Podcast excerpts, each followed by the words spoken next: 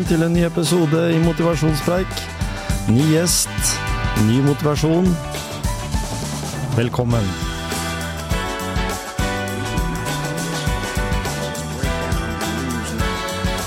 Også denne gangen, eh, som alltid i studio, Tom Kjetil Olsen.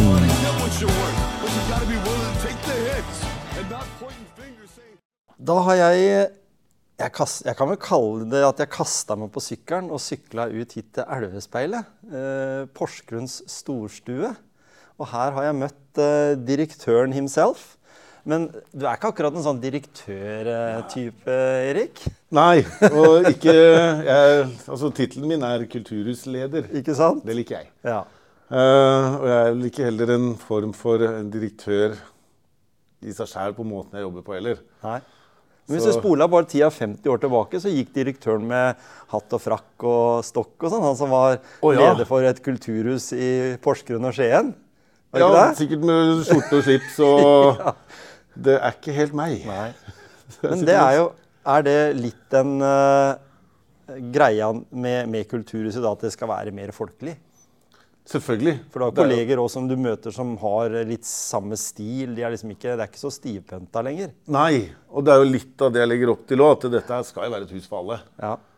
Og hvis vi da skal være veldig pertentlige og på'n og gå med dress og slips, så er ikke, kanskje ikke det helt det inntrykket som Nei. jeg har lyst til å gi når det kommer til et eh, kommunalt kulturhus som skal ha plass til alle og enhver. Alle skal komme inn. Jeg husker en gang jeg hadde et foredrag for noen bilselgere. Er mange mange år siden. Og den gangen så gikk eh, bilselgere de gikk i sånn skjorte. Og de hadde jo skjorte og slips og en sånn blazerjakke. og det var liksom ikke måte på. Så snakka vi litt om det der at møter du på en måte folket da, eller hva gjør du? Også etter hvert så har det forma det. Så jeg husker de, etter at vi hadde hatt noen sånne prater om det, så troppa de opp i collegegensere etter hvert. Kanskje enda lettere å selge. Fordi det var mer på nivå med han som skulle ha enten en bil til 50 eller 550 000.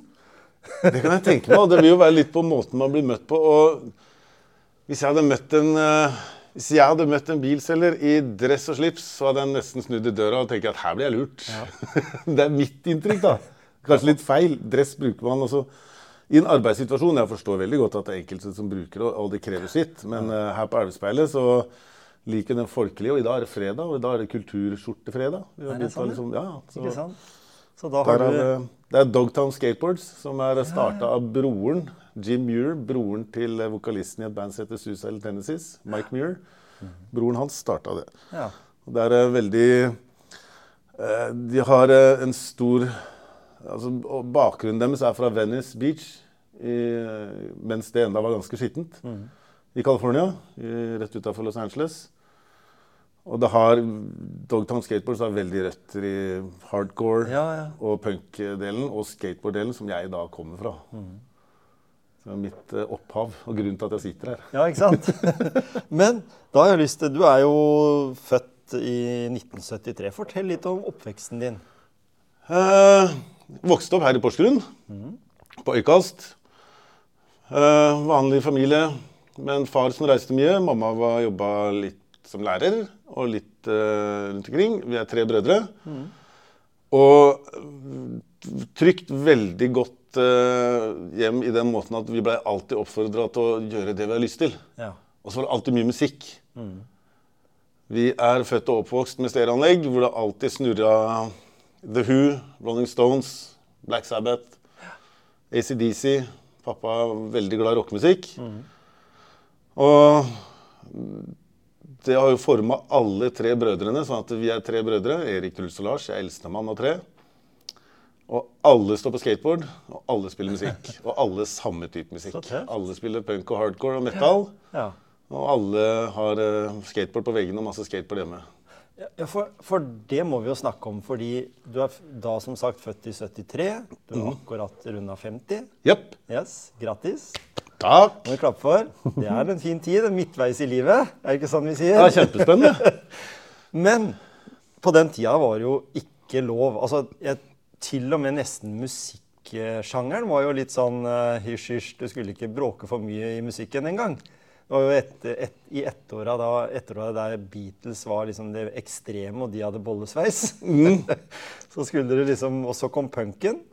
Sex Pistols husker jeg spesielt, fordi det var, så, det var så brutalt for en stakkars liten gutt som vokste opp på Gjemsel, liksom. Det var voldsomme greier. Og så var det skateboard, som da var, forbudt forbudt i Norge. Det var, lov, var ikke forbudt i Sverige. Nei, der var det lovlig. Ja, ikke sant? Så det, Var det, var det litt den derre Var det kult å liksom gjøre noe som var litt ulovlig, eller? Nei, eh, det var ikke derfor. Ikke i det hele tatt. Den rebelske delen var ikke det som dro meg til skateboardinga. Det var rett og slett den mestringsfølelsen og den utfordringa, og det at det, blei ikke sett på som så veldig kult når vi var eh, små. Nei, sånn, ja. Det var ikke, vi var ikke de kuleste gutta i gata. Ja, For det var fotball, og det var liksom andre sporter som eh, var kult. Ja, så vi, Det var jo ulovlig, så vi måtte jo gjemme oss litt. Ja. Så jeg er veldig godt kjent i alle Porsgrunns smågater og har jo løpt fra politiet Ja. flere ganger og blitt tatt. Ja. Blitt fratatt brett òg. Og da måtte jo vi eh, Vi måtte jo kjøpe bretta i Sverige. Mm. Vi tok, eh, og da var vi 14-15 år gamle. Og var en gjeng som dro på Strømstad-Sandefjord-ferja. Kjøpte gjerne to plater hver. Altså bare platene, fordi bretta skrur sammen hjemme. Bare platene. Så tok vi de bak på ryggen.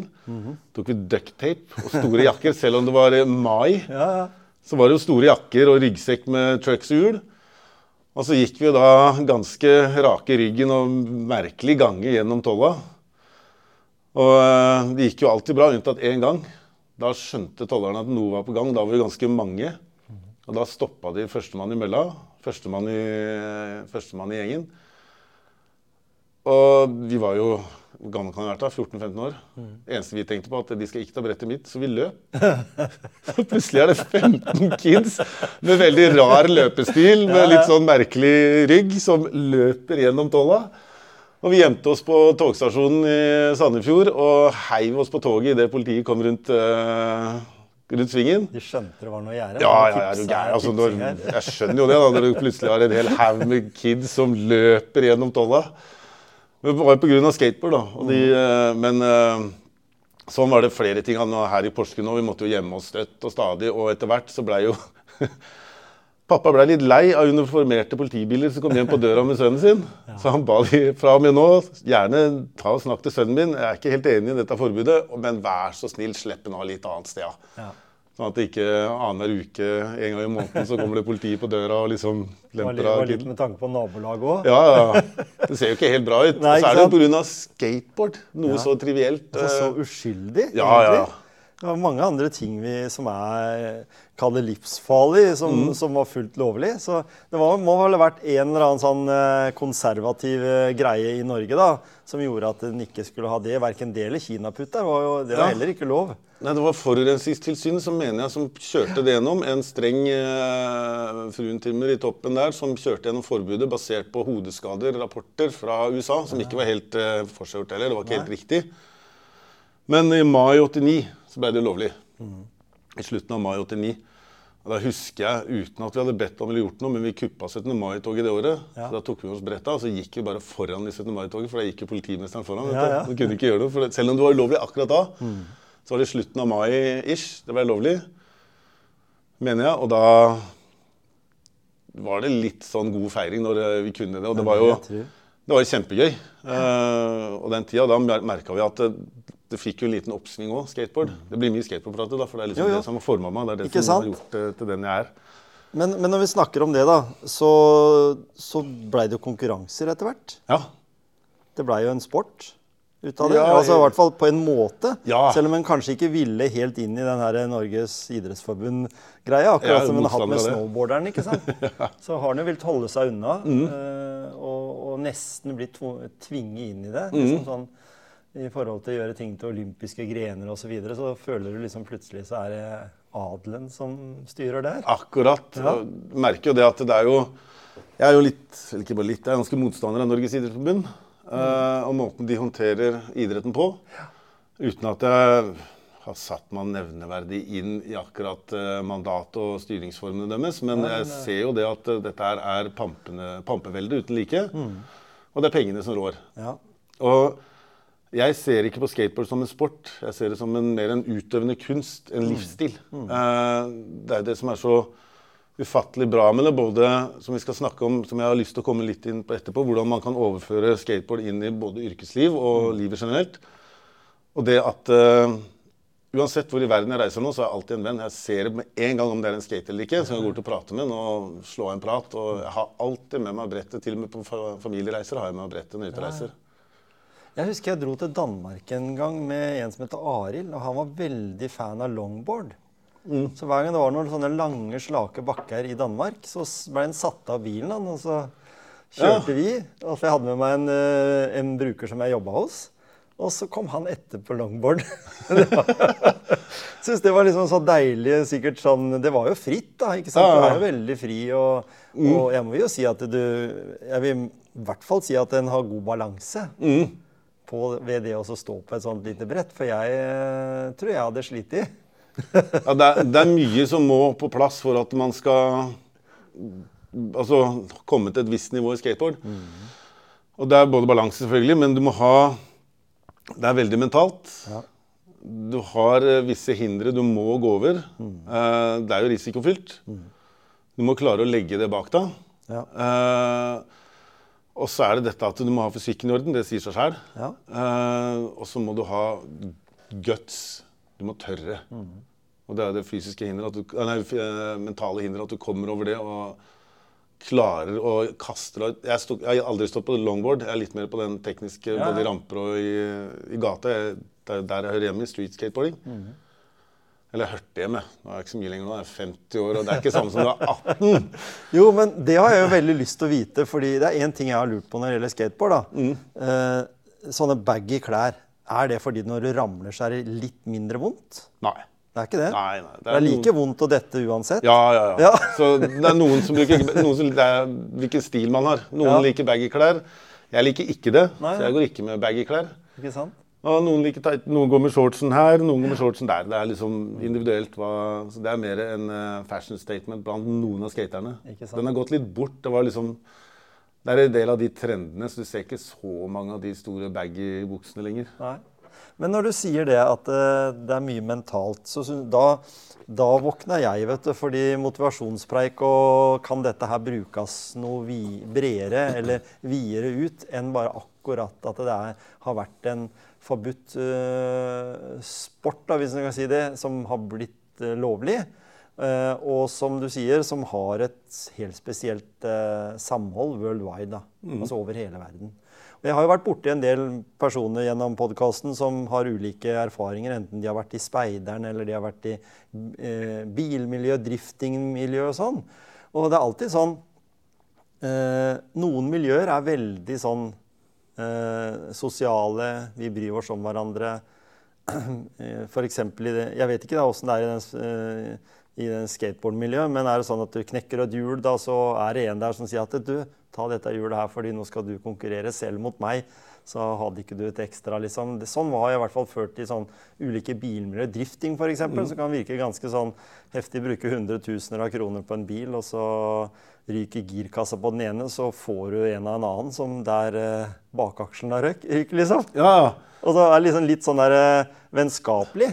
Veldig. Ja, ikke sant? Eh, når man knekker f.eks. i det som er med skateboard, og hvis vi tar den konkurransedelen av det, det er flere aspekter som går an å overføres til eh, motivasjonsteorier når det kommer til skateboard og motivasjonsprat. Men det som er med det miljøet, er at eh, når vi er på konkurranser Nå skater jeg Jeg har ikke vært verdens mest aktive konkurranseskater, men jeg har jo skata en del konkurranser. Og der er det sånn at alle heier på hverandre. Ja. Og alle støtter hverandre, alle backer hverandre. Og hvis det er én som lander et sinnssykt fett triks eh, Beklager litt den enkle språkbruken, men det er liksom det skateboardspråkbruken. Så heier alle de andre på det. Og i hvilke sporter er det du ser altså, hvis Chelsea Jeg har ikke peil på fotball. Men hvis Chelsea scorer mot Manchester United et ganske kult mål, så står ikke de Manchester United-folka og jubler og gratulerer han som scora mål. Da er de forbanna. Der er det stikk motsatt i skateboard. Alle heier på alle. Og når jeg, jeg ser mye på skateboardkonkurranser på, på sofaen på YouTube og, eller live på live eh, og ser det. Og da er det sånn at jeg heier på hver eneste skater. Jeg har mine favorittskatere, men jeg heier på alle sammen. Og den backupen eh, og det å ha, ha hverandres rygg, liksom, passe på hverandre, den er uh, utvilsomt veldig noe særegent for skateboard, også snowboard. Snowboard og, og er surfing det er det samme. Ja, samme, det samme huene som holder på med det. for å si det sånn. Du må jo være litt smårar Ja, for er- for å For er skateboardmiljøet litt sånn eh, Du snakka om California her. Eh, og vi tenker sånn, eh, sånn, eh, sånn surfing, vanlig surfing på vannet. mm. Eh, er det litt samme folka? Samme miljø? Samme liksom måten å tenke på? For det er jo på en måte Jeg tenkte kanskje at eh, skateboardet kom fordi det var noen som også ville gjøre noe av de samme tinga som de gjør i vannet på land. Mm. Det var der det starta. Ja, på 50-60-tallet i California, når ikke det var bølger. Mm. Så skjærte de rulleskøytene i to og putta på noen planker, og så cruisa de med den gamle clay, altså nesten keramikk-type hjul. Mm. Eh, og surfa da i de naturlige bølgene. Og etter hvert så tok de de inn i tomme I California er badebassenga bygd opp litt annerledes. De er ikke firkanta. Nei. De er runde. Ja, ja. Så de har liksom en transition, som vi kaller det. Og når de fant ut det, så tok de de dit. Ja. Og så har det vært en utvikling, og det som er så genialt med skateboarden, også når det kommer til uh, Man kan hele tida bli bedre, og sporten utvikler seg noe vanvittig. Fotball, der har du banen. Du kan Ja, ja. skåre så mye. Det er 90 minutter. Det er ingen som liksom Skal vi finne på noe annet morsomt? Skal vi ta ofte, Alt det er de, veldig de innførte VAR. For å gjøre det har gjort det bare verre, tror jeg. Det har bare gjort det verre. ja. Skulle hatt bedre dommere isteden. ja, ikke sant? har lyst til å ha flere dommere og hatt, eller hatt noe Ja. demokrati eller noe sånt. Det husker jeg sa en gang til Ja. en som sa at det, det må være i hvert fall som i håndball, én dommer på hver barnehalvdel. Ja, det visste jeg ikke på engang at det var på håndball. Det er det.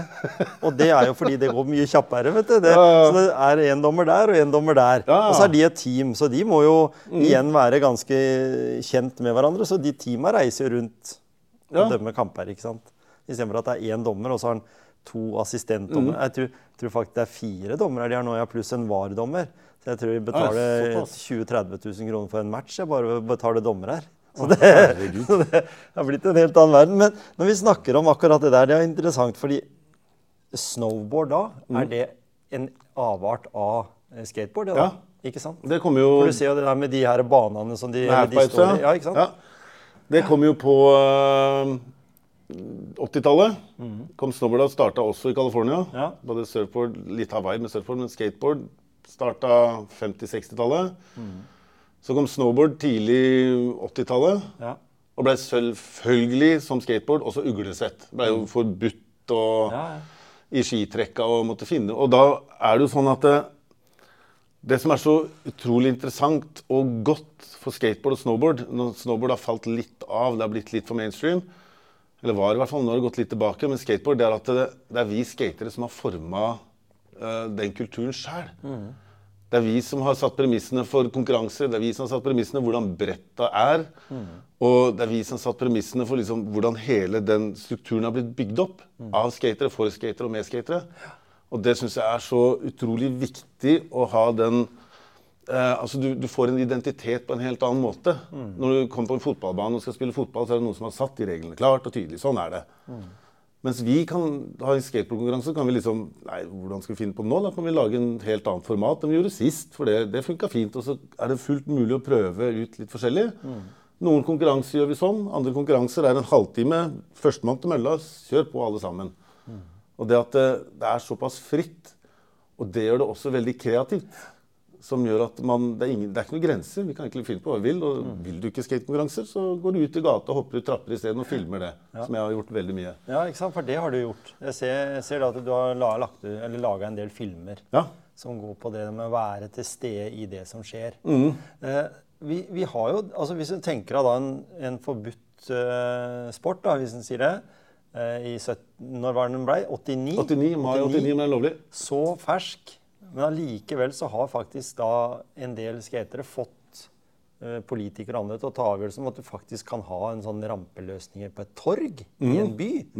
Det ville vært av liksom utenkelig liksom, for bare mange, noen år siden. Sånn, Ja, ja. Altså, at den gjorde det så sentralt, midt i bybildet. Jeg, jeg husker jo det når jeg var yngre. Jeg vokste opp på Gjemse, og der var det ikke noe, noe kulturer, som jeg husker i hvert fall, med, med skateboard. På Gjemse? På Gjemse, ja. Jo, der hadde vi en rampe en gang inni en eller annen liten uh, skogs... Sånn li, bitte liten park, skog-type ting på Det Gjemse. det kan ha vært, men jeg var, jeg var ikke i det miljøet, husker Nei. jeg. Så, så, så vi, for vi, jeg var jo da, jeg blei jo på en måte dratt inn i fotball og friidrett, liksom. Og da var det oppe på Hercules, og der var det definitivt ikke noe, noe skaterampe. Men jeg husker de som var kule guttene i gata som torde det der, og som dro det inn på Gjemsø-skolen, liksom, og kom liksom sparkende med den til skolen istedenfor vi som sykla. Det var jo sånn. Så, så det var jo veldig kult. Men jeg, jeg husker det at eh, jeg, jeg har jo sikkert spurt mora eller faren min om kan jeg ikke få det, liksom. Men eh, jeg tror ikke jeg, jeg, var, jeg var ikke så ivrig. Men det jeg tenker på på Øykast Vi kommer helt sikkert innom skateboard igjen, men på Øykast, vokse opp der. eh, hva skjedde så med deg? Og, og den, at du har, som du sier, hatt brettet under armen Ja, eh, og gått videre Altid. i livet. Du, ja, ikke sant? alltid hatt brettet under armen. Og Men du var jo bare en ung gutt i 89 òg, så når Ja. du fikk lov å gå med det lovlig ja, og da var jeg russ eh, 92, Skien videregående. Eh, litt pga. at det var et veldig godt musikkmiljø der oppe. Eh, skateboard går veldig hånd i hanske med film, foto, eh, kunst. Altså den grafikken som er under brettet, er ganske viktig. Eh, og musikk, Ja. det nevnte jeg. Uh, Og det var da jeg fant også gitar. Jeg fikk en gitar av mor og far da jeg var 13-14 år. Så det, så det gitar og skateboard har liksom gått sånn fulgt hverandre oppover. Og derfor valgte jeg også Skien videregående. Jeg tok ikke musikklinja, men det var veldig mange kjente som gikk der oppe. Og litt i den musikkmiljøet der. Var med i en del band. Og så eh, kom jo da russetida, og når jeg var ferdig med det, så tok jeg et friår kun for å skate. Ja. Reiste rundt. eh, Jeg hadde jo litt flaks eh, og blei sponsa ganske tidlig. Så da fikk jeg jo Jeg, må, jeg glemmer aldri det. Altså Motivasjon er jo så mye, i og med at vi er inne på det. Og jeg har alltid vært drevet av den indre gløden. Eh, å få Altså både få et klapp på skuldra for det vi har gjort, er kjempegøy, det. Eller få masse gratis utstyr er kjempegøy, det, men det er ikke det som er drivkraften. Men en morsom ting er jo første gangen jeg fikk en Den gangen så fikk jeg pakker sendt hjem på døra med skateboard og hjul og klær og alt mulig sånn. Og det var jo uhørt den gangen. Jeg husker første gangen det kom hjem en pakke med fullt av klær fra California. Å ja. Såpass. Svær, masse brett og klistremerker og fettegenser og luer og Jeg hadde ikke sko den gangen. Klister, alt som er i den skateboardpakka. Og pappa skjønte jo ingenting. Og i tillegg så var det flybilletter der òg. Så jeg hadde flybilletter til Stavanger, jeg hadde flybilletter til København. Og når du får den Det som var nesten like motiverende som å få tinga, var å se pappas reaksjon. Ja. Bare I svarte er det du holder på med nå? Nei, jeg har vært ute og skata, da. Man blir jo plukka litt opp. Og, Ja, ja. Så øh, Ja, hva var som var liksom den store greia for å komme inn i det der? For det var sikkert mange andre som du også på en måte kjente som ikke kom så langt. Var det din måte å være på? Var det stilen din, eller var det på en måte ja, si det. bare flaks? Litt, og litt, altså, det har vært mye hard Altså, man må jo være veldig dedikert. Ja, ikke sant? Uh, og ta den støyten, altså de skadene som kommer. For det er jo man Det skal en spesiell person til for å kaste seg i asfalten gang på gang på gang. på gang, og Reise seg opp og si at dette går fint, børste av seg, så gjør det en gang til. Så jeg nådde vel et nivå som på den tida uh, var kanskje ikke så mange i Norge som var på det nivået. Nei. Uh, og fikk gleden da å reise rundt med de beste, både amerikanere og europeere. Eh, spesielt da i Norge og i Europa, som var kjempegøy. Uh, og det varte et år før, før jeg var i København, husker jeg. Og så ringte, fikk jeg tak i pappa. Han hadde prøvd å få tak i meg noen dager, for da hadde det kommet brev fra politiet. For jeg hadde blitt kalt inn til militæret. Ja. Jeg hadde ikke møtt opp første gangen. Så hadde jeg en sjanse til på å møte opp. Hvis ikke så ville jeg bli etterlyst ja. som desertør. Den gangen det var plikta Jeg måtte, hadde ikke noe valg. Så da måtte jeg, hadde, ikke- så jeg, pappa ordna flybillett og fløy hjem og skifta, og så kjørte, kom jeg meg på Gardermoen og fikk møtt opp der. Så, men jeg endte opp med å ta befalsskole og bli i Forsvaret i mange år. Ja, jeg skjønte det. At det, i- var den, den kontrasten der jeg ville fram til. At det der fra å være skater i det miljøet, og så komme inn i det her eh, veldig eh, miljøet der som befal. fordi da, da, da har du på en måte ikke den Altså, jeg, jeg, Du har sikkert sett Kompani Lauritzen. Jeg har i Ja, hvert fall gjort det. Og du så. Daniel Frank, f.eks. Mm. og mange av de andre òg. utrolig vanskelig for å tilegne seg det systemet, spesielt når de var blitt litt eldre. Ja. Uh, og da tenkte jeg ofte på, på de hvordan det blir liksom da å, å gå inn i det, og spesielt sånn som for deg, da, som, som på en måte var en sånn eh, loffer, på en måte. da, For det var liksom sånn å, å sånn skate på loffen, ikke sant? Ja, ikke sant? Sånn boms. Og så skulle du plutselig eh, inn i eh, befal. Altså ha vinkler og skulle sette folk inn i et eh, mental, du skulle, du skulle kødde mer mentalt også for at de skulle bare tenke Forsvaret. ja. Hva, hva, det må du si litt om, for det syns jeg er kjempeinteressant. den der, Hvordan mentalt jobba du med det? Du kom på Gardermoen, som du sier, og skulle egentlig ha vært der før. Ja. Og så plutselig så velger du å være der noen år. Ja. eh, vi, det var Bardufoss som jeg ble sendt opp til. Og jeg likte ganske tidlig den, eh, den formen med å utfordre seg sjøl. Både igjen da, fysisk og mentalt. Ja. Eh, og så eh, var det nyoppretta den Jeg var jo luftvern, så vi var en operativ luftvernavdeling. Det var, vi var ute i skogen oppe i trærne og skulle da skyte ned fly hvis det kom noen som ikke var så vennlige mot oss. Men det var de utfordringene jeg likte. Og når jeg da tok befalsskoleopptaket og tenkte at dette skal jeg klare, så var det den derre Igjen overførbart fra skateboarding at du setter deg et mål, og så liksom Dette her skal jeg pika det klare, og så går det en liten sånn der fra liksom bare Nei, dæsken, skal Og jeg så var bevise du i både for god meg selv. fysisk form òg. Ja. Gjennom det, ikke sant? Så det var jo Ja, gjennom skatinga, så- det var jo enkelt, også siden du var i god form når du kom inn. Mm, I motsetning til nå. Nei da. Nei, så det er jo den å ha den eh, Altså klare seg for seg, og så ha den der viljestyrken til at dette her skal jeg klare. Eh, og når man da har gjennomført eh, befalsskolen, så er det jo ble jo da tilbake da i, i Nord-Norge og var der i noen år. Og det var kjempegøy å jobbe med det og være operativt og jobbe med soldater i ganske vanskelige forhold, for det er sinnssykt kaldt til tider der oppe. Og er det ikke kaldt, så er det ekstremt mye mygg eh, på sommerstid. Og da er det aldri mørkt, så da får du aldri sove. Og på vinteren så er det bare mørkt. Og når da du får disse søringene oppover og skal klare å holde de på et godt toppnivå, da, som de soldatene du måtte ha, for det var jo masse ganske dyrt utstyr. Eh, og ikke minst når vi hadde øvelser med, med live missiler. Så både kostbart og ganske farlig. Så du må jo ha veldig faste rammer. Og et rigid system som funker. Og den derre Å overføre det fra skateboarding til å motivere andre syns jeg var veldig interessant. Det med å klare å ha de målene, at dette er så vi klarer. Og så er det en sånn liten konkurransedel der òg. Vi konkurrerer både mot eh, andre eh, bataljoner, altså den gangen, da, eh, eh, i Norge. Vi hadde jo Bodø, Bardufoss, Rygge var det vel, som var de tre. Og Even, ja, de tre. Og Ørlandet. Så det var tre eller fire.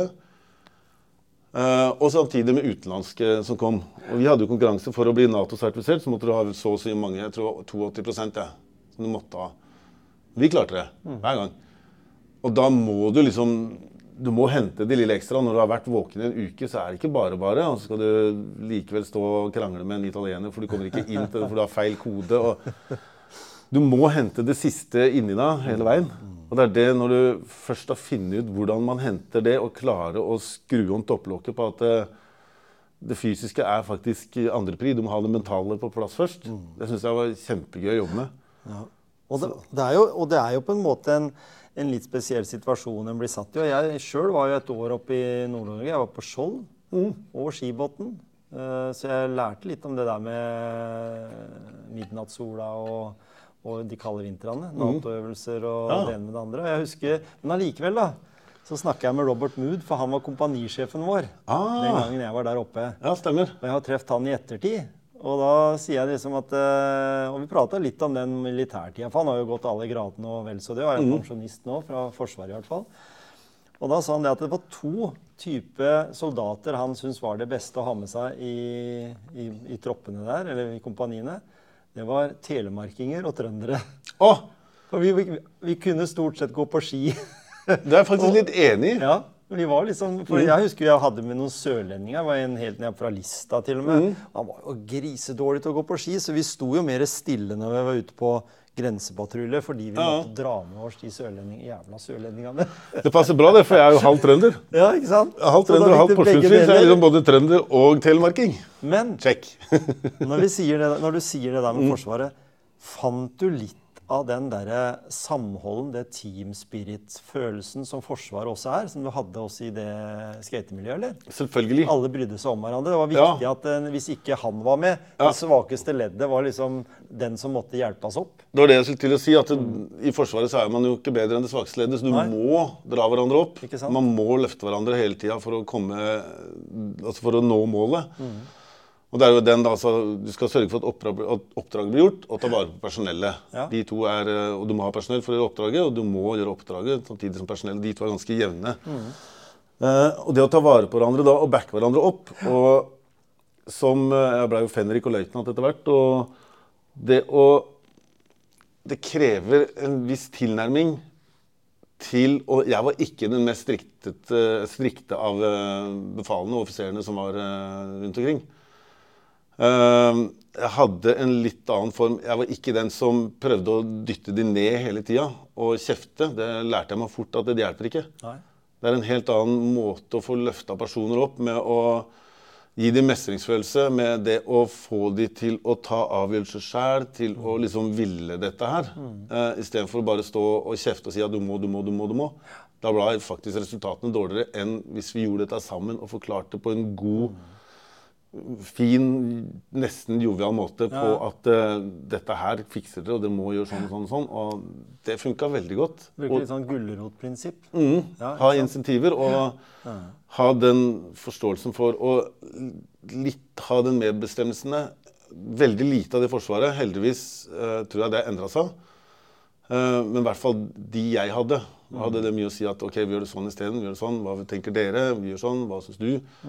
Å få med alle på laget for å dra det sammen er utrolig viktig. Og det er jo direkte hva vi holder på med her òg, nå, Ja, nå som vi sitter på er vel, Ikke sant? Og det er, vel- det jeg vil også vil si. For, for når du da Jeg kjenner jo andre personer som har gått befalsutdanning, og som er en helt annen ledertype enn det jeg har fått inntrykk av at du er. Mm. Altså i forhold til at du eh, Og det skal vi jo også få med litt her, men, men allikevel eh, Du ser jo en del de er liksom Ja, de er offiserer også når de blir ledere. Mm. Og da mener jeg offiserer i den grad at eh, nå skal jeg bryte ned alle ansatte før jeg skal bygge det opp igjen. Jeg tror ikke det hadde blitt tatt vel imot her, hvis du kom inn. Det hadde ikke funka i det hele tatt. det her var jo hus som eksisterte når du kom, Ja. ikke sant? og du fikk mange nye kolleger som, som hadde jobba her, og, og som helt sikkert satte eh, pris på din lederstil, Mm. eh, og som passer kanskje mer inn i sånne type omgivelser som det. Eh, men du har også vært litt innom andre type kulturer, eller annen type deler av kulturen. Ja, eh, jeg har laga mye film. Eh, men det har vært da mye skateboardfilm, selvfølgelig. Ja, Ja, Jeg prøvde meg på en snowboardfilm, men det var altfor kaldt, så det orka jeg ikke. Det Jeg så noen sånn klipp som lå på nettet, som Ja. jeg kunne se. så... Mye av det har jeg tatt vekk pga. Opphavsrettigheter og med musikk og sånn. Så det hadde kun vi trykte, Den gangen så var det mye DVD-er. Så Mm. jeg lagde DVD-er og hadde ikke eh, lisenser for å putte musikken på YouTube. Det glemte jeg i de avtalene jeg lagde. eh, vanskelig, det. Så de har tatt vekk mange av de. Det er noen som har lagt ut noen av filmene, men jeg har ikke lagt ut noe av det jeg har laga av den grunn. Altså, noe av det er der, men ikke alt. Nei. Uh, Lagd mye film og har jo arrangert mye skateboardkonkurranser eh, og konserter. Hadde jo arrangerte min første konsert da jeg var 15 år i kjelleren til mamma og pappa. Med 40 betalende, og mamma og pappa satt oppe og hørte på. Det var tre band som spilte. Ja. Det var helt genialt. Og, så den kulturen det har jo alltid vært i meg. Og samme når, vi, når jeg jobba i Forsvaret òg, så hadde jeg alltid gitar på Spilte mye gitar. eh, og skata inn i helikopterhallen. Ja. Det var helikopterbase på Bardufoss. Vi satt bare to tom seks og to tom åtte rundt helikoptrene, sånn at ikke vi skulle skade de. Og så, så lagde vi litt sånn der forskjellige småramper og, om vinteren. Ikke sant?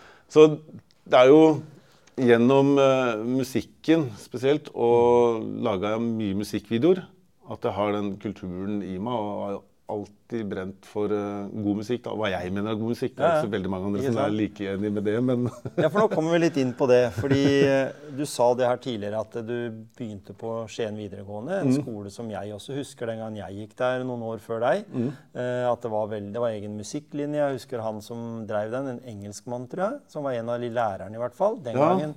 Og de, det var jo en del Uh, uh, som hadde starta band Uh, altså et, i, i og rundt det. Du har vært det sjøl òg. Og så hadde jo noen som endte opp med i Norgestoppen en opera. Og vi Ja, har mange som har liksom blitt uh, anerkjente musikere og, og ikke minst også sangere og sånn. Men uh, når vi da snakker om den typen musikk som du da brenner for, eh, så har jeg lyst til Jeg tenker sånn, sånn type musikk, det er liksom når, når du hører på det For jeg hørte noe Dere hadde jo liggende noe på Spotify. ja. Så hørte jeg på det, og så tenkte jeg at eh, du må ha den interessen for å høre på det, fordi jeg blei litt sliten. For det er mye energi der oppe, og det Ja. merker jeg også at du på en måte må bruke også en del energi hvis du skal få det med deg ordentlig. Eh, I hvert fall for en sånn som meg som hører på Die Straits og sånn. Da kan det bli litt voldsomt, det skjønner jeg. Men du må kunne spille. Mhm. For det jeg har jo hatt med tidligere, altså hatt med trommeslager i podkasten før. Mm. Eh, og de sier jo også det at eh, Og en der er veldig Beatles-fan, en annen var veldig fan av punk, og så var det en som var veldig fan av eh, Er det siste? Ja, i hvert fall jazz. Mm. jazz ikke sant? Så tenkte jeg liksom at eh, Og du har vært den som har stått og bråka i en garasje eller i kjelleren med trommesettet ditt, liksom. Og så er du egentlig genuint opptatt av en musikkstil som er ikke trommer eh, blir beregna som en støyende kilde, men som er en del av det. Han ene husker jeg sa Batti Lind. Ja, Batti, ja. ja. Jeg kjenner Batti. Og han, eh, han eh, sa jo det at han følte at han hadde kontroll, for det var han som alltid starta og stoppa. Så med, med trommene, da. Og, og sånn, og da tenker jeg det Den musikken du, du spiller jo nå i et band som heter Uår.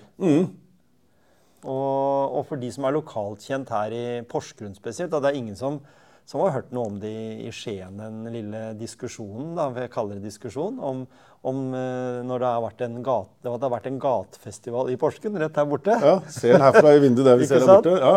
Og, og det har jo stått i en sånn mikroavis da, fra Porsgrunn som heter PD. Mm. Det var i verden òg. Det var kanskje i Varden? Dobbeltsidig verden. Ah, ja, det kan du se. Samme dagen som Elvespeilerblekka kom ut, så var Elvesblekka, og så bladde du over til neste side, så var det dobbeltside.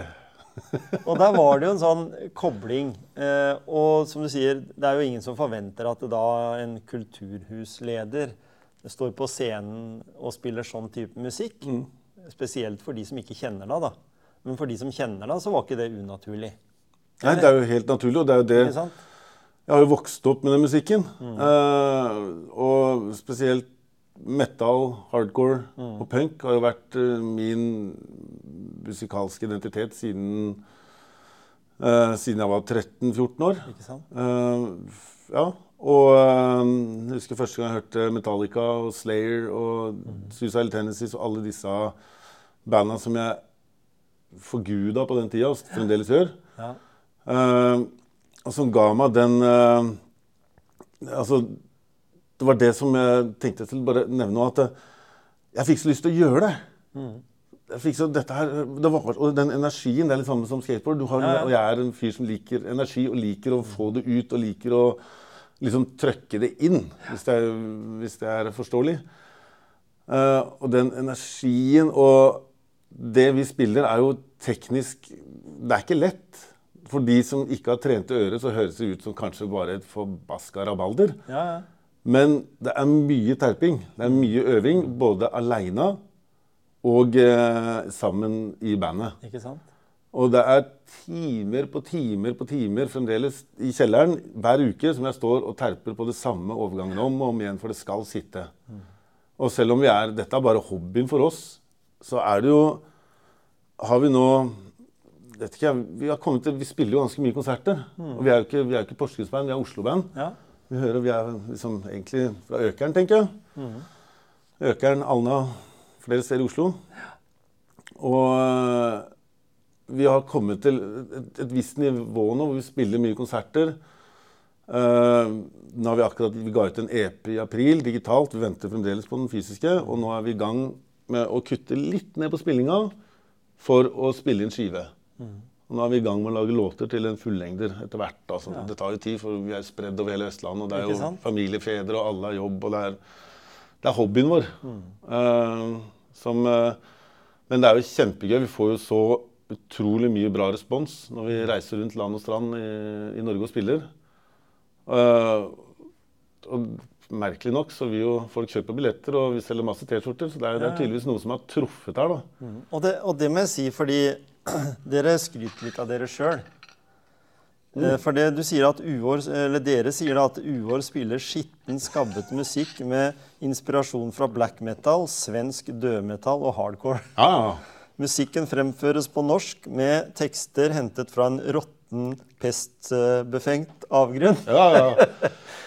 Det er det det, mente jeg så noen hadde plukka ut og funnet også i avisa. Det hadde jo blitt slått. Og selvfølgelig da, så hadde de klart i samme headinga så hadde de klart å putte skitten, skabbete og urinering. Ja. Det var bare fordi at det var et eller annet problem med noen som hadde tissa i sted ikke Men det har vel tisse. skjedd på alle festivaler? Jeg tror ikke det er noe- Norge Ja, ja, ja. bestandig, eller alle i hele verden? Det er ikke noe nytt. Nei. Men dette Vi hadde jo Altså, Uår er eh, Vi hadde et par andre band som vi liksom Uår er samla til å bli. Og eh, på et nachspiel, eh, når vi fant ut at vi ga opp forrige bandet Begravd i betong? Ja, begravd i betong. Og så var det et annet sånn kortprosjekt som heter Increase, som vi bare spilte lite grann. Og så bytta vi litt roller innad i bandet. Og eh, fikk inn broren min på trommer. da. Vi har jo vanvittig bra trommeslager. En av verdens beste hardcore-trommiser Ja. i broren min på trommer. Og når han og Da fant vi ut at, eh, hvilken retning vi skulle ha. Og det er jo Jon som er litt eh, drivkraften bak Uår-prosjektet. Han andre gitaristen som Ja. lager mye av sangene. Og har liksom litt den tanken bak det. Men vi blei alle enige på et nachspiel at eh, og vi er, alle, vi er fem sånne joviale herremenn med litt ølvommer og skjegg. Og er egentlig ganske lystige og ser lystige på livet. Og familiefedre og alle jobber. Så det er liksom ikke den utskuddet. Vi blei enige om at eh, skal vi synge om liksom, Alt skal være nedenom og hjem med uår. Og gi et uttrykk, både det grafiske uttrykket, musikken og eh, lydbildet og tekstene. At det, med det du nettopp leste, at det er liksom nesten Det er den knaggen vi henger musikken vår på. da. Ja.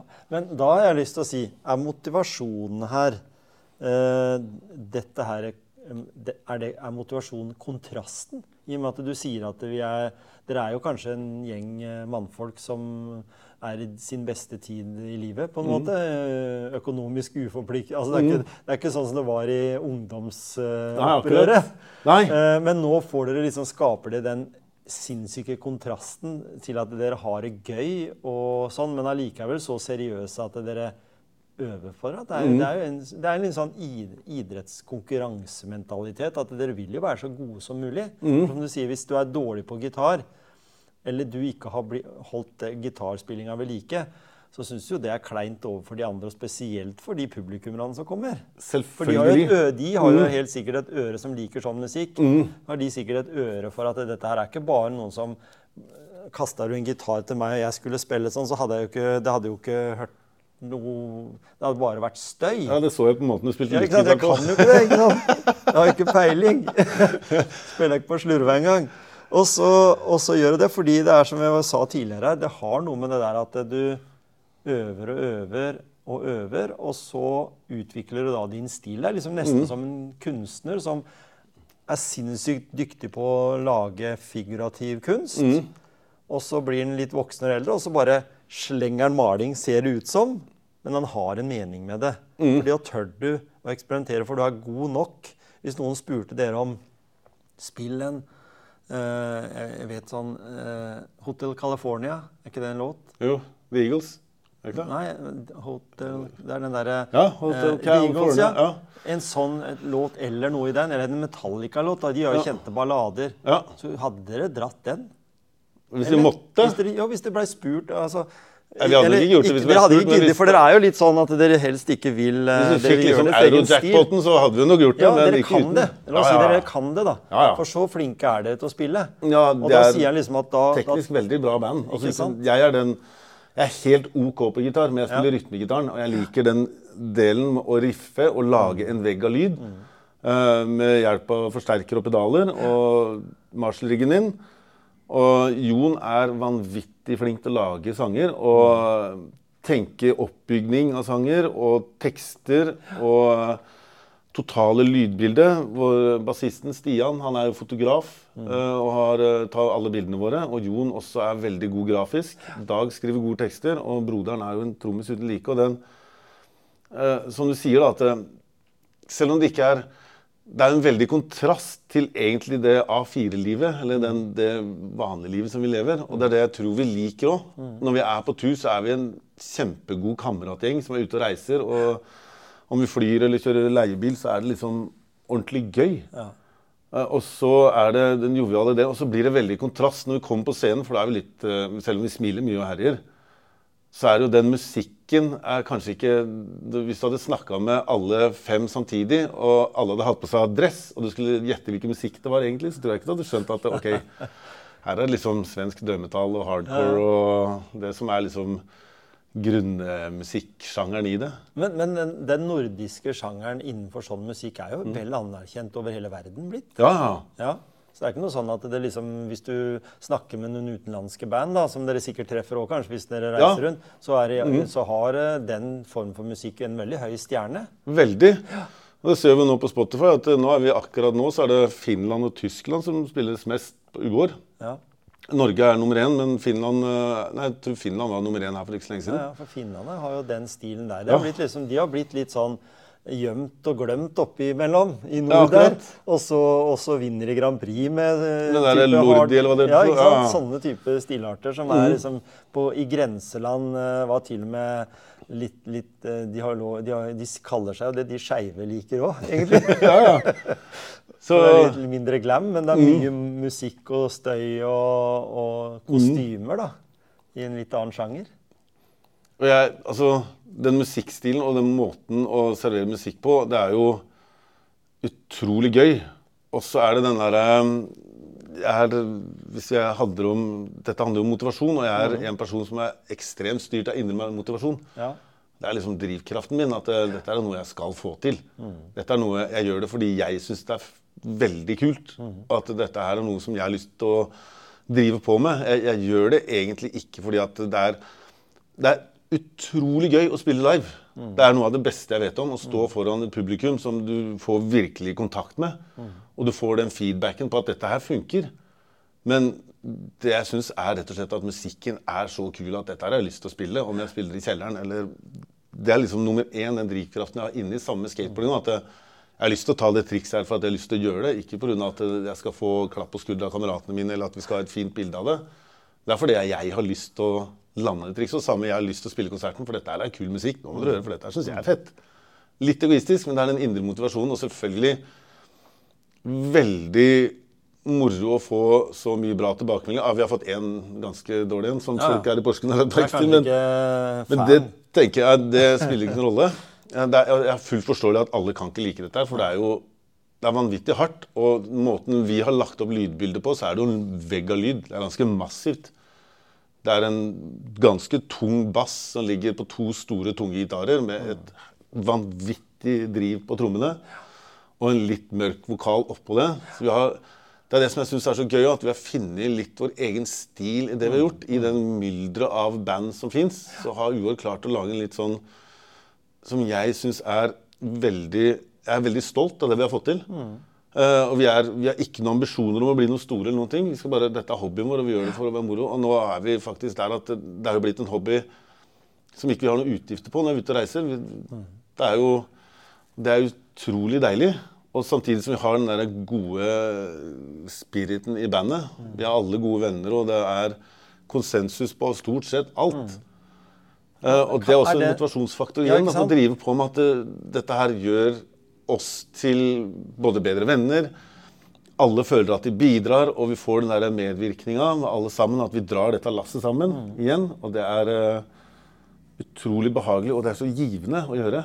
Og er det, er det litt av det der med at du har Altså, de- dere har alle den like ambisjonen, ikke å bli stjerner, men å bare spille sammen? Ja, det har vi diskutert. det er jo det som mange band har blitt splitta opp av. fordi plutselig så er det en som får en telefon fra det. Kunne ikke du tenke deg å synge Mm. være vokalist hos oss? Eller du er så god gitarist at, eh, at du Mm. kunne ikke du spille hos oss? Og så plutselig så blir det sånn motstridende Nei, altså, vi har ingen ambisjoner annet enn å ha det gøy sammen og spille den musikken som vi har lyst til å spille. Ja. Altså, øh, vi gjør alt sjæl. Spiller inn øh, alt det grafiske. Og det er jo det som er litt den derre drivkraften bak det òg. Den derre do it yourself-tankegangen. Vi ordner det sjæl. Så det er ingen som står og peker på sånn, nå må du gjøre sånn, nå må du gjøre sånn, nå må du gjøre sånn. Og så er vi alle enige om at dette her gjør vi bare på det nivået vi er nå. Altså, Hadde det smelt, så hadde ingen av oss hadde sagt nei hvis vi hadde liksom blitt Men nei, ikke noen ambisjoner om å bli noen rockestjerne eller noen ting. Bare å ha det som det er nå. Og det er veldig behagelig. Og da slipper vi å ha noe press òg, for da kan vi lage musikken vi vil. Og jeg ser det er en rød tråd her. Do it yourself, sier du. Det, Ja. Den kan vi jo ta tilbake til skateboard-tida. Mm, veldig. Hele veien oppover. Mm.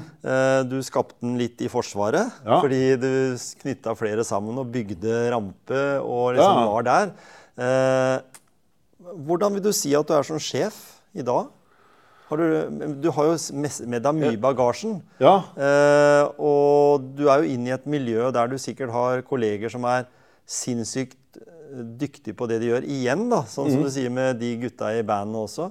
Eh, hvordan er din lederstil, vil du si? Sjøl? Eh, som eh, Jeg liker alltid å si ordet leder. Sjef høres så liksom sånn Ja, sjef leder, ja. ja. Jeg liker alltid likt ordet leder bedre, spesielt etter at jeg kom inn her. Eh, jeg har en litt eh, hva skal jeg kalle altså, Når det kommer til den lederstilen, så er jeg veldig for at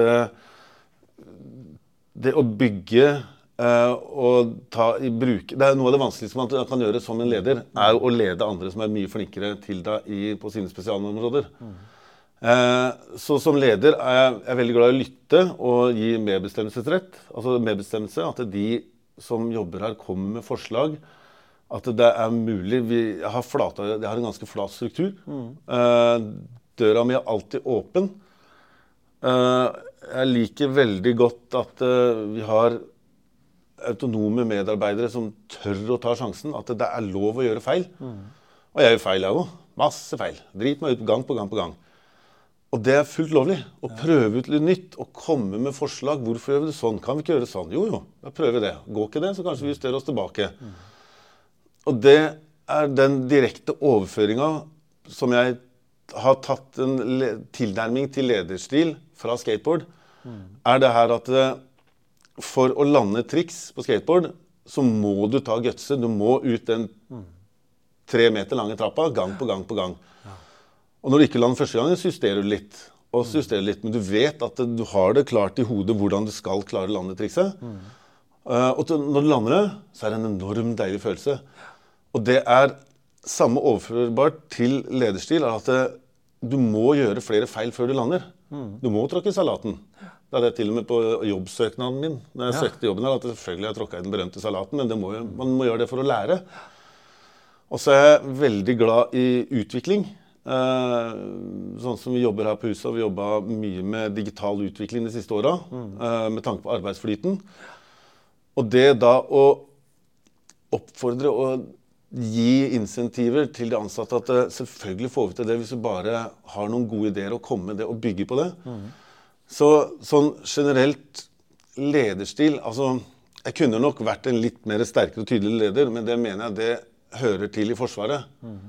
Da måtte jeg være klart og tydelig. Her er vi et kulturhus hvor alle skal fungere. og alle her som jobber her, det er det som er så spennende. Alle er veldig kulturinteresserte. Vi har musikere, vi har skuespillere, eh, vi har liksom eh, filmskapere. Vi har så mye forskjellig som jobber på Kulturhuset. Eh, som gjør at vi blir en ganske sterkt knytta gruppe. Som jeg syns er utro, også vanvittig bra uh, arbeidsmiljø, hvor vi backer hverandre opp. Eh, det er også litt av den mantraet mitt når det kommer til lederstilen, at det er lov til å feile. Og så backer hverandre opp, og så prøver vi, og så ser og så Da ser man resultater etter hvert. Når Men, man da men du, har jo, du har jo lederansvar for eh, et kulturhus. Hørte du jeg sa leder nå? Ja, Leder. veldig bra. Hjertelig. så, så er det jo sånn at uh, du er da ansatt i Porsgrunn kommune. Mm. Uh, og når man er ansatt i kommunen sånn, så har du et ansvar for noen til å levere noe overfor deg òg. Altså. Mm. ledergruppe over, ikke sant? med ordføreren på toppen. Uh, hvordan føler du at den kjemien der er? Fordi det er liksom noe med at det, du får helt sikkert beskjed om ganske mange ganger i løpet av eh, et år at eh, nå har dere brukt for mye penger. Det er jo alltid det de er Ja. opptatt av. Da, ikke sant? Nå kan du greie å skape noe med mindre midler. Men jeg vet at eh, dere, som mange andre, dere sleit under pandemien. Det begynte ganske bra. Dere har hatt et veldig godt år rett før altså året Ja. før pandemien. Det var et veldig godt år. 2019 var helt Ja. topp. Vi har aldri solgt så mye billetter, aldri hatt en større omsetning. Og det var Og og 2020 starta utrolig bra, Ja. og så gikk det rett på ræva. Og så smalt det. Da måtte dere avlyse altså For dere hadde jo over nesten 500 arrangementer her i året. Ja. Vi har også, eh, så 450 ja, ja, ish, så plutselig så skulle dere ikke ha noen. Mm. Og så skulle du allikevel ha den eh, positive tankeflyten i her, for dere skal Mm. jo utvikle dette produktet. fordi det jeg fikk med meg, var at dere for det første forsøkte en del digitale ting. Mm. Og jobbe litt med Kanskje ble enda flinkere på digital eh, teknologi og sånn. Mm. Og så måtte dere tenke sånn halve saler og ting dere ikke tjente penger på. Ja, ja. Så dere har jo vært der òg. Hvordan følte Erik seg da som leder? Var, var, hadde du noen dager som du følte deg litt lei? Det var tungt til tider, det. Ja. Men nå er heldigvis det et tilbakelagt kapittel. Og Ja, så når jeg det. ser tilbake på det nå Og bare for å ta den Vi er jo som kommunalt ansatt, Mm. eh, så har veldig god støtte administrativt og politisk i Porsgrunn. Ikke sant? Det føler jeg. Eh, og det har også vært min jobb å løfte Elvespeilet til det nasjonalt. Vi har fått et veldig godt nasjonal standing. Mm. og jeg har hatt eh, alltid god dialog både med rådmann og ordfører. Mm. men det går jo tjenestevei, så min, altså kultursjefen Mariann Eriksen er min leder. Ja. Nærmest leder, og vi har veldig god dialog. Mm. og det er også Jeg er utdanna økonom fra BI. Så jeg har alltid klart å holde økonomien før pandemien veldig godt og har hatt kontroll på det. Vi har gått akkurat der vi skal være. Og hadde faktisk ganske veldig god inntjening eh, i 2019, før pandemien tok på ræva, og har dessverre gjort om det. Men det er en helt annen podkast. Ja, ja. uh, hvordan kulturlivet har blitt endra, og publikums kjøpsvaner har gjort om at vi må tenke nytt. Så den politiske og administrative standinga føler jeg at Elvespeilet har veldig godt forankra i Porsgrunn kommune, og det er jeg utrolig glad for.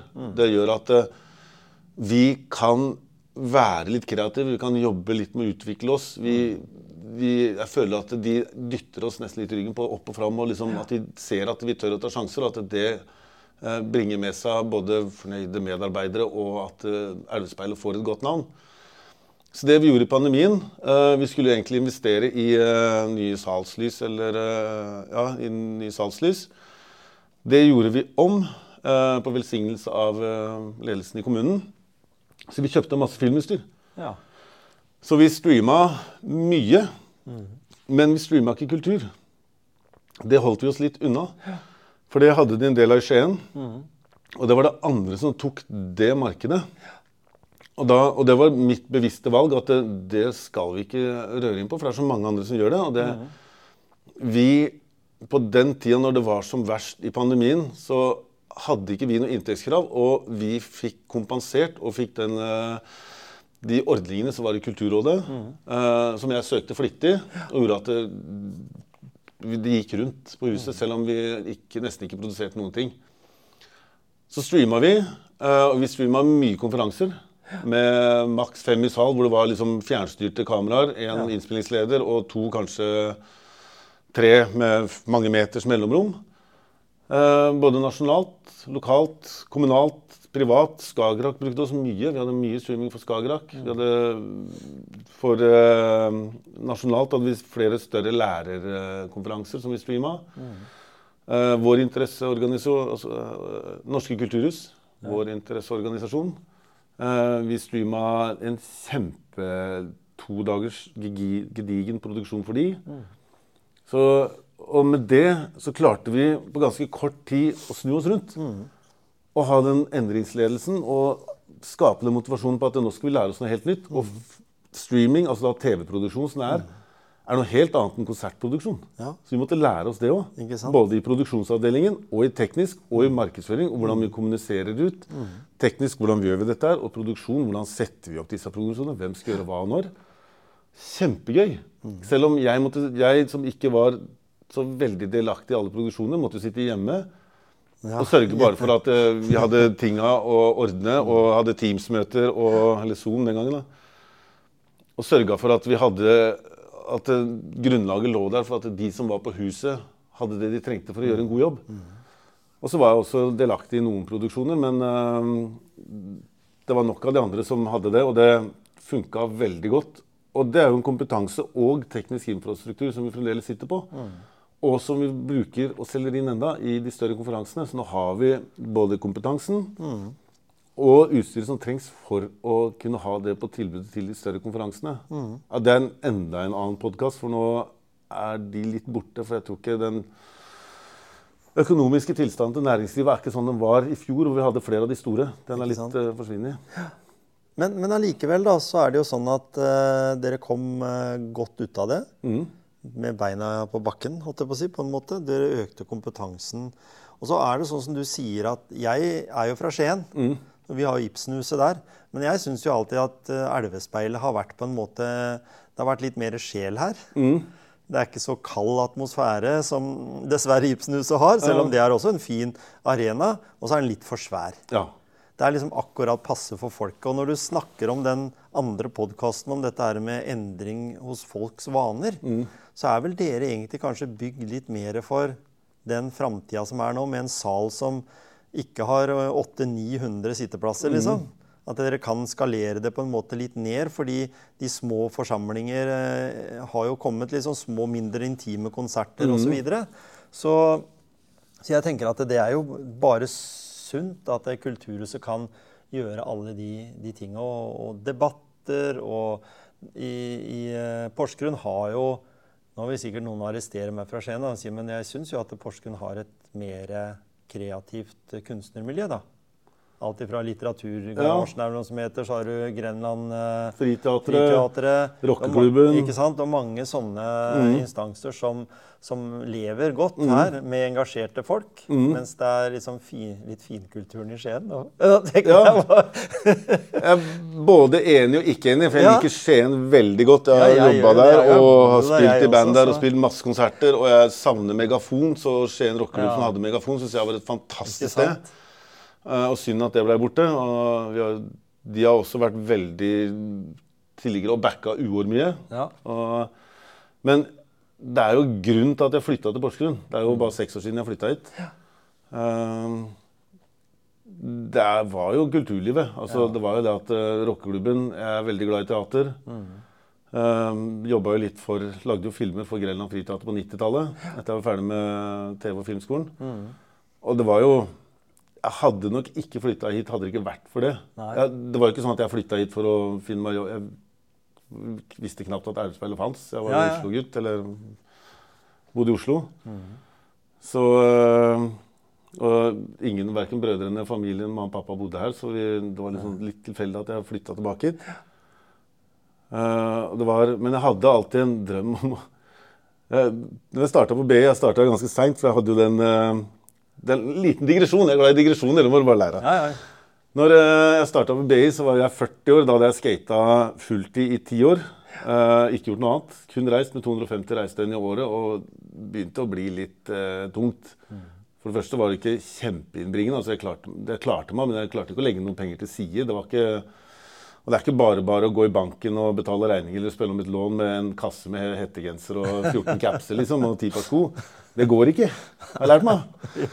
Men eh, når jeg starta på, fant jeg at jeg måtte gjøre et eller annet. eh, og da bygge videre på den erfaringa jeg hadde. Og jeg så at det skorta litt på økonomidelen. Det hadde jeg lyst til å lære meg ordentlig. Så jeg tok BI.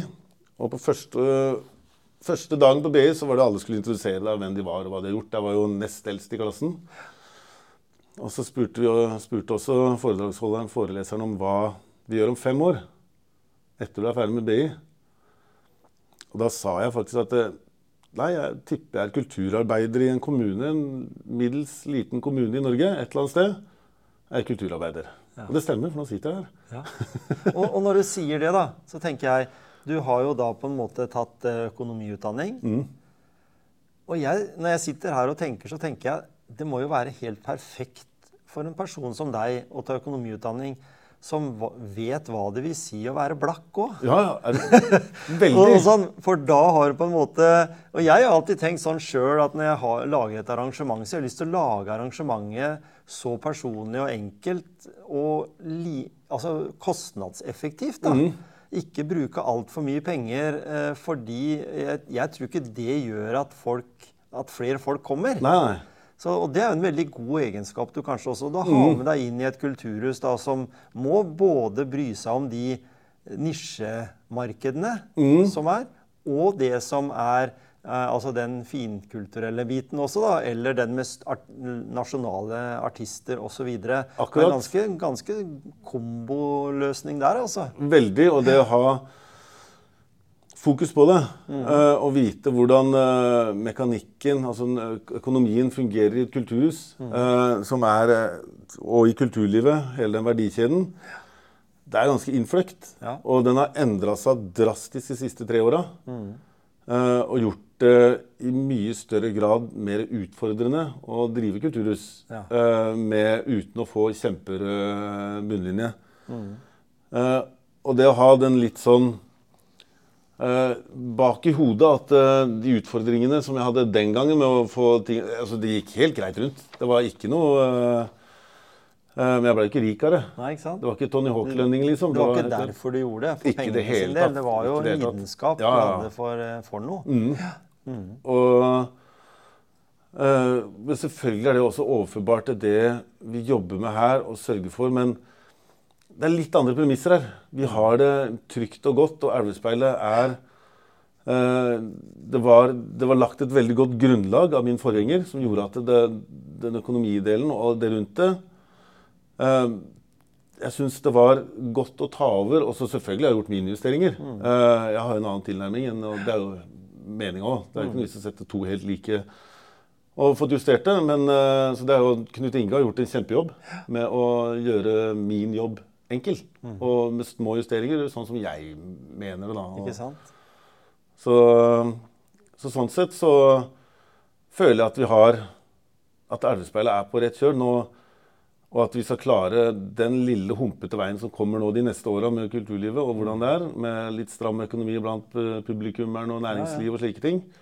Men vi er endringsvillige, og vi skal klare å det går i sånn 15-årssykluser. Så snart så er vi over den her eh, mm. nedturen. Da er vi på vei opp igjen. Mm. Og når jeg da har kommet så langt som at vi nærmer oss uh, slutten her, så har jeg lyst til å spørre om uh, Og det, det, sier seg vel sjøl av de tinga vi har snakka om, men, men uh, hva gjør du når du lader, da? Hva er liksom din ladestasjon? Uh, er du sånn type som må korttidslade, eller langtidslader du, eller Korttidslading. ja. Det er to, jeg har to lade... Altså, jeg har to ladestasjoner, hvis du kaller det det. Ja. Det ene er uh, aleine i kjelleren med hodetelefoner og gitaren. Ja. Det er min lading. Mm. Og der kan jeg stå i timevis uten at uh, jeg merker ikke at tida går engang. Og det kan hende det er litt feil noen ganger, sånn som for, forrige uke. når vi vi er i gang med å lage litt nye sanger og tenke litt nytt. Og da prøver å finne riff og lære meg litt sånn nye knep på gitaren og nye licks og slike ting. Og se hvordan jeg kan utvikle meg der. Mm. Da begynte jeg sånn i 11-12-tida på kvelden og plutselig jeg skulle på jobb dagen etterpå. Og tenkte nå må jeg slutte, men da er klokka halv ett ett og klokka fire om morgenen. Ja. Og da går jo tida fort. Men ja. da har jeg liksom den driven. Men når jeg ordentlig skal lade og tenke meg bort, så drar jeg på hytta på Gautfall. Ja. Da tar jeg med meg fiskestanga, og så går jeg gjerne aleine i fjellet. Eh, innover og fisker og sitte og se på duppen og rett og slett bare la tankene flyte på alt og ingenting. Mm. Det er min lading. Det høres veldig ålreit ut. Mm. Kontrastfylt, men ålreit. Ja. Begge to god lading. ja, ikke sant? Så den eh, ro Altså den Jeg er jo ikke bygd for Jeg er litt mer bygd for fart og spenning. Og har den der inni meg. Og kanskje noen som kjenner meg godt, mener at jeg brenner krutt i begge ender, men sånn er det bare. Det er liksom mange Skal liksom skate, skal arrangere ting, skal ha denne jobben som er veldig fartsfylt, og det er mye. Uh, og bandet har jo tatt litt av, så det er liksom spillinger flere gang, par ganger i måneden. Så er man Ja. ute og reiser og spiller konsert. Og det å komme på hytta da, og gjerne aleine, eller sammen med datteren min, og bare hmm, det, er, eh, det er for meg den ordentlige ladinga. Sitte rundt båtpanna på kvelden og se på solnedgangen. og åh, Det er så deilig. Det høres ut som en veldig fin eh, Ah, det er Og vi har jo forsøkt å ha denne praten her over en god stund, så jeg skjønner jo det at du er ganske busy. Eh, Så det var veldig hyggelig å snakke med deg. Veldig I like måte. Syns det var veldig fin elementer som, som veldig mange kan ta med seg videre til å tenke litt sånn at det, er lov å tørre. Mm. Det er lov å utfordre seg sjøl, enten det er eh, skating eller eh, andre ting. Mm. Fordi den ikke være liksom litt altså, Finne den gløden. tenke-. Ja, kan du tenke at det er mange som kanskje er litt feige? For vi har bare dette ene livet, liksom. Og du Ja. kan sette seg ned når en sitter i gyngestolen, hvis man gjør det lenger når man er gammel. Og så sitter der med pipa og så tenker at uh, Det er jo Har den lange lista over ting du angrer over at du ikke gjorde? Ja, Det er bedre å angre på ting man har gjort, og gjort feil, enn å angre på ting man ikke har gjort. Ikke sant? Og det har jo vært litt uh, Hadde jeg fått en krone for hver gang jeg sier at man lever bare én gang, så hadde jeg, tror jeg kanskje jeg kunne slutta å jobbe. For jeg har veldig det som en indre drivkraft at uh, dette har jeg lyst til å gjøre. Hvorfor ikke prøve? Går ikke, det går ikke. Og når jeg da fant ut at eh, nei, nå har jeg lyst til å stå på skateboard fulltid, dette er det jeg har lyst til å gjøre, så gjorde jeg det.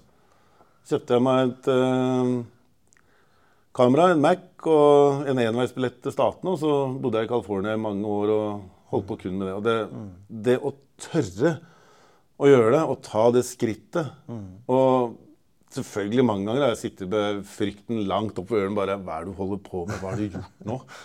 Si opp trygge, gode jobber for å liksom ut og herje. Men det er aldri Når jeg ser tilbake nå, så er jeg veldig glad for at jeg har tatt de valgene jeg har gjort. eh, og har tort å ta, og gjøre det. Og det, det har jo skapt meg til den jeg er. Jeg hadde aldri hatt den jobben. Jeg hadde ikke alle de der rare veivalgene jeg har tatt i livet, ført til der jeg sitter nå. Du har en, en, en heftig CV, sånn sett. Ja, det er mye, mye interessant. Mm. Erik, hvor vil du si du setter deg sjøl om ti år? Nå er du jo akkurat 50. Da, Da er jeg bikker det over 60. 60. Oi, oi, oi. Det, jeg sa det til min samboer her i går. da kjente på, Tenk om ti år er jeg 60 år. Ja. Uh, jeg vet ikke. Jeg har begynt å Altså, det å En sånn kultur Altså være kulturhusleder eh, er eh, Det er en stilling som kanskje fortjener, og det er litt enig også min forgjenger, som nevnte det også i et intervju som han ga, at det kanskje trengs å fornyes litt. Eh, man trenger litt nytt input. Det handler om profilen på et eh, kulturhus. Om det går an å videreutvikle det og se på nytt. Nå har jeg Eh, vi har fått inn en Jon Olav Hovde, produsent på huset, som har en enorm god erfaring og et nettverk innen booking og programmering, så vi kan fokusere litt på å utvikle huset på den måten. Sånn at jeg kan kanskje ta litt, sånn, litt av de større strategitinga på huset og den delen der. Men om ti år eh, Det er jo enten så Oi, jeg har mange drømmer. Enten så sitter jeg her på Elvespeil og Eller så Og dyrker hobbyene. Ja, dyrker hobbyene. Eller, og jeg spiller enten om jeg ikke spiller uår, spiller jeg i hvert fall i band. Ja. Eh, skater sikkert ennå. Um, jeg har litt lyst til å flytte til California, tilbake dit. Kan hende jeg bor der. Uh, utlandet frister veldig. Jeg har, uh, er veldig glad i å reise og er veldig glad i å oppleve nye kulturer. Ikke bare å reise dit, men å være der en stund. Sånn at du får liksom litt under huden på hva er det disse her tenker og holder på med. Og spesielt borte i California, for der er det litt av en gjeng. Det er kjempegøy. Så om jeg er i Porsgrunn, California, til Spania Kanskje Jeg har ikke helt bestemt meg. Jeg pleier som regel å se for meg ganske klart og tydelig. Ikke tar til tiden, har noen mål. du må tenke at 60 er de nye 40, er det ikke så de sier? Jo, jo, sånn? selvfølgelig. så, det, så det er jo fortsatt bare ganske ung egentlig sånn 60-åring. Så, Mm.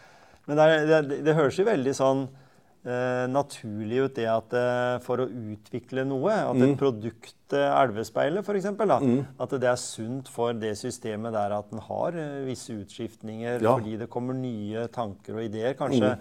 kanskje sitter en eh, en 28 år gammel leder her om eh, ti år. Ja, Fordi det er en annen måte enn kulturen bygges på. Eh, hvem vet? selvfølgelig. Se hvor mye som har skjedd bare på de siste Mm. åra nå. Hva, hva skjer da på de neste ti? Akkurat. Og det Kanskje du skal sitte da borte på en scene i California og streame det live over til Elvespeilet, og så blir det en sånn multiverdens Mm. eh, Et eller annet. Hvem vet?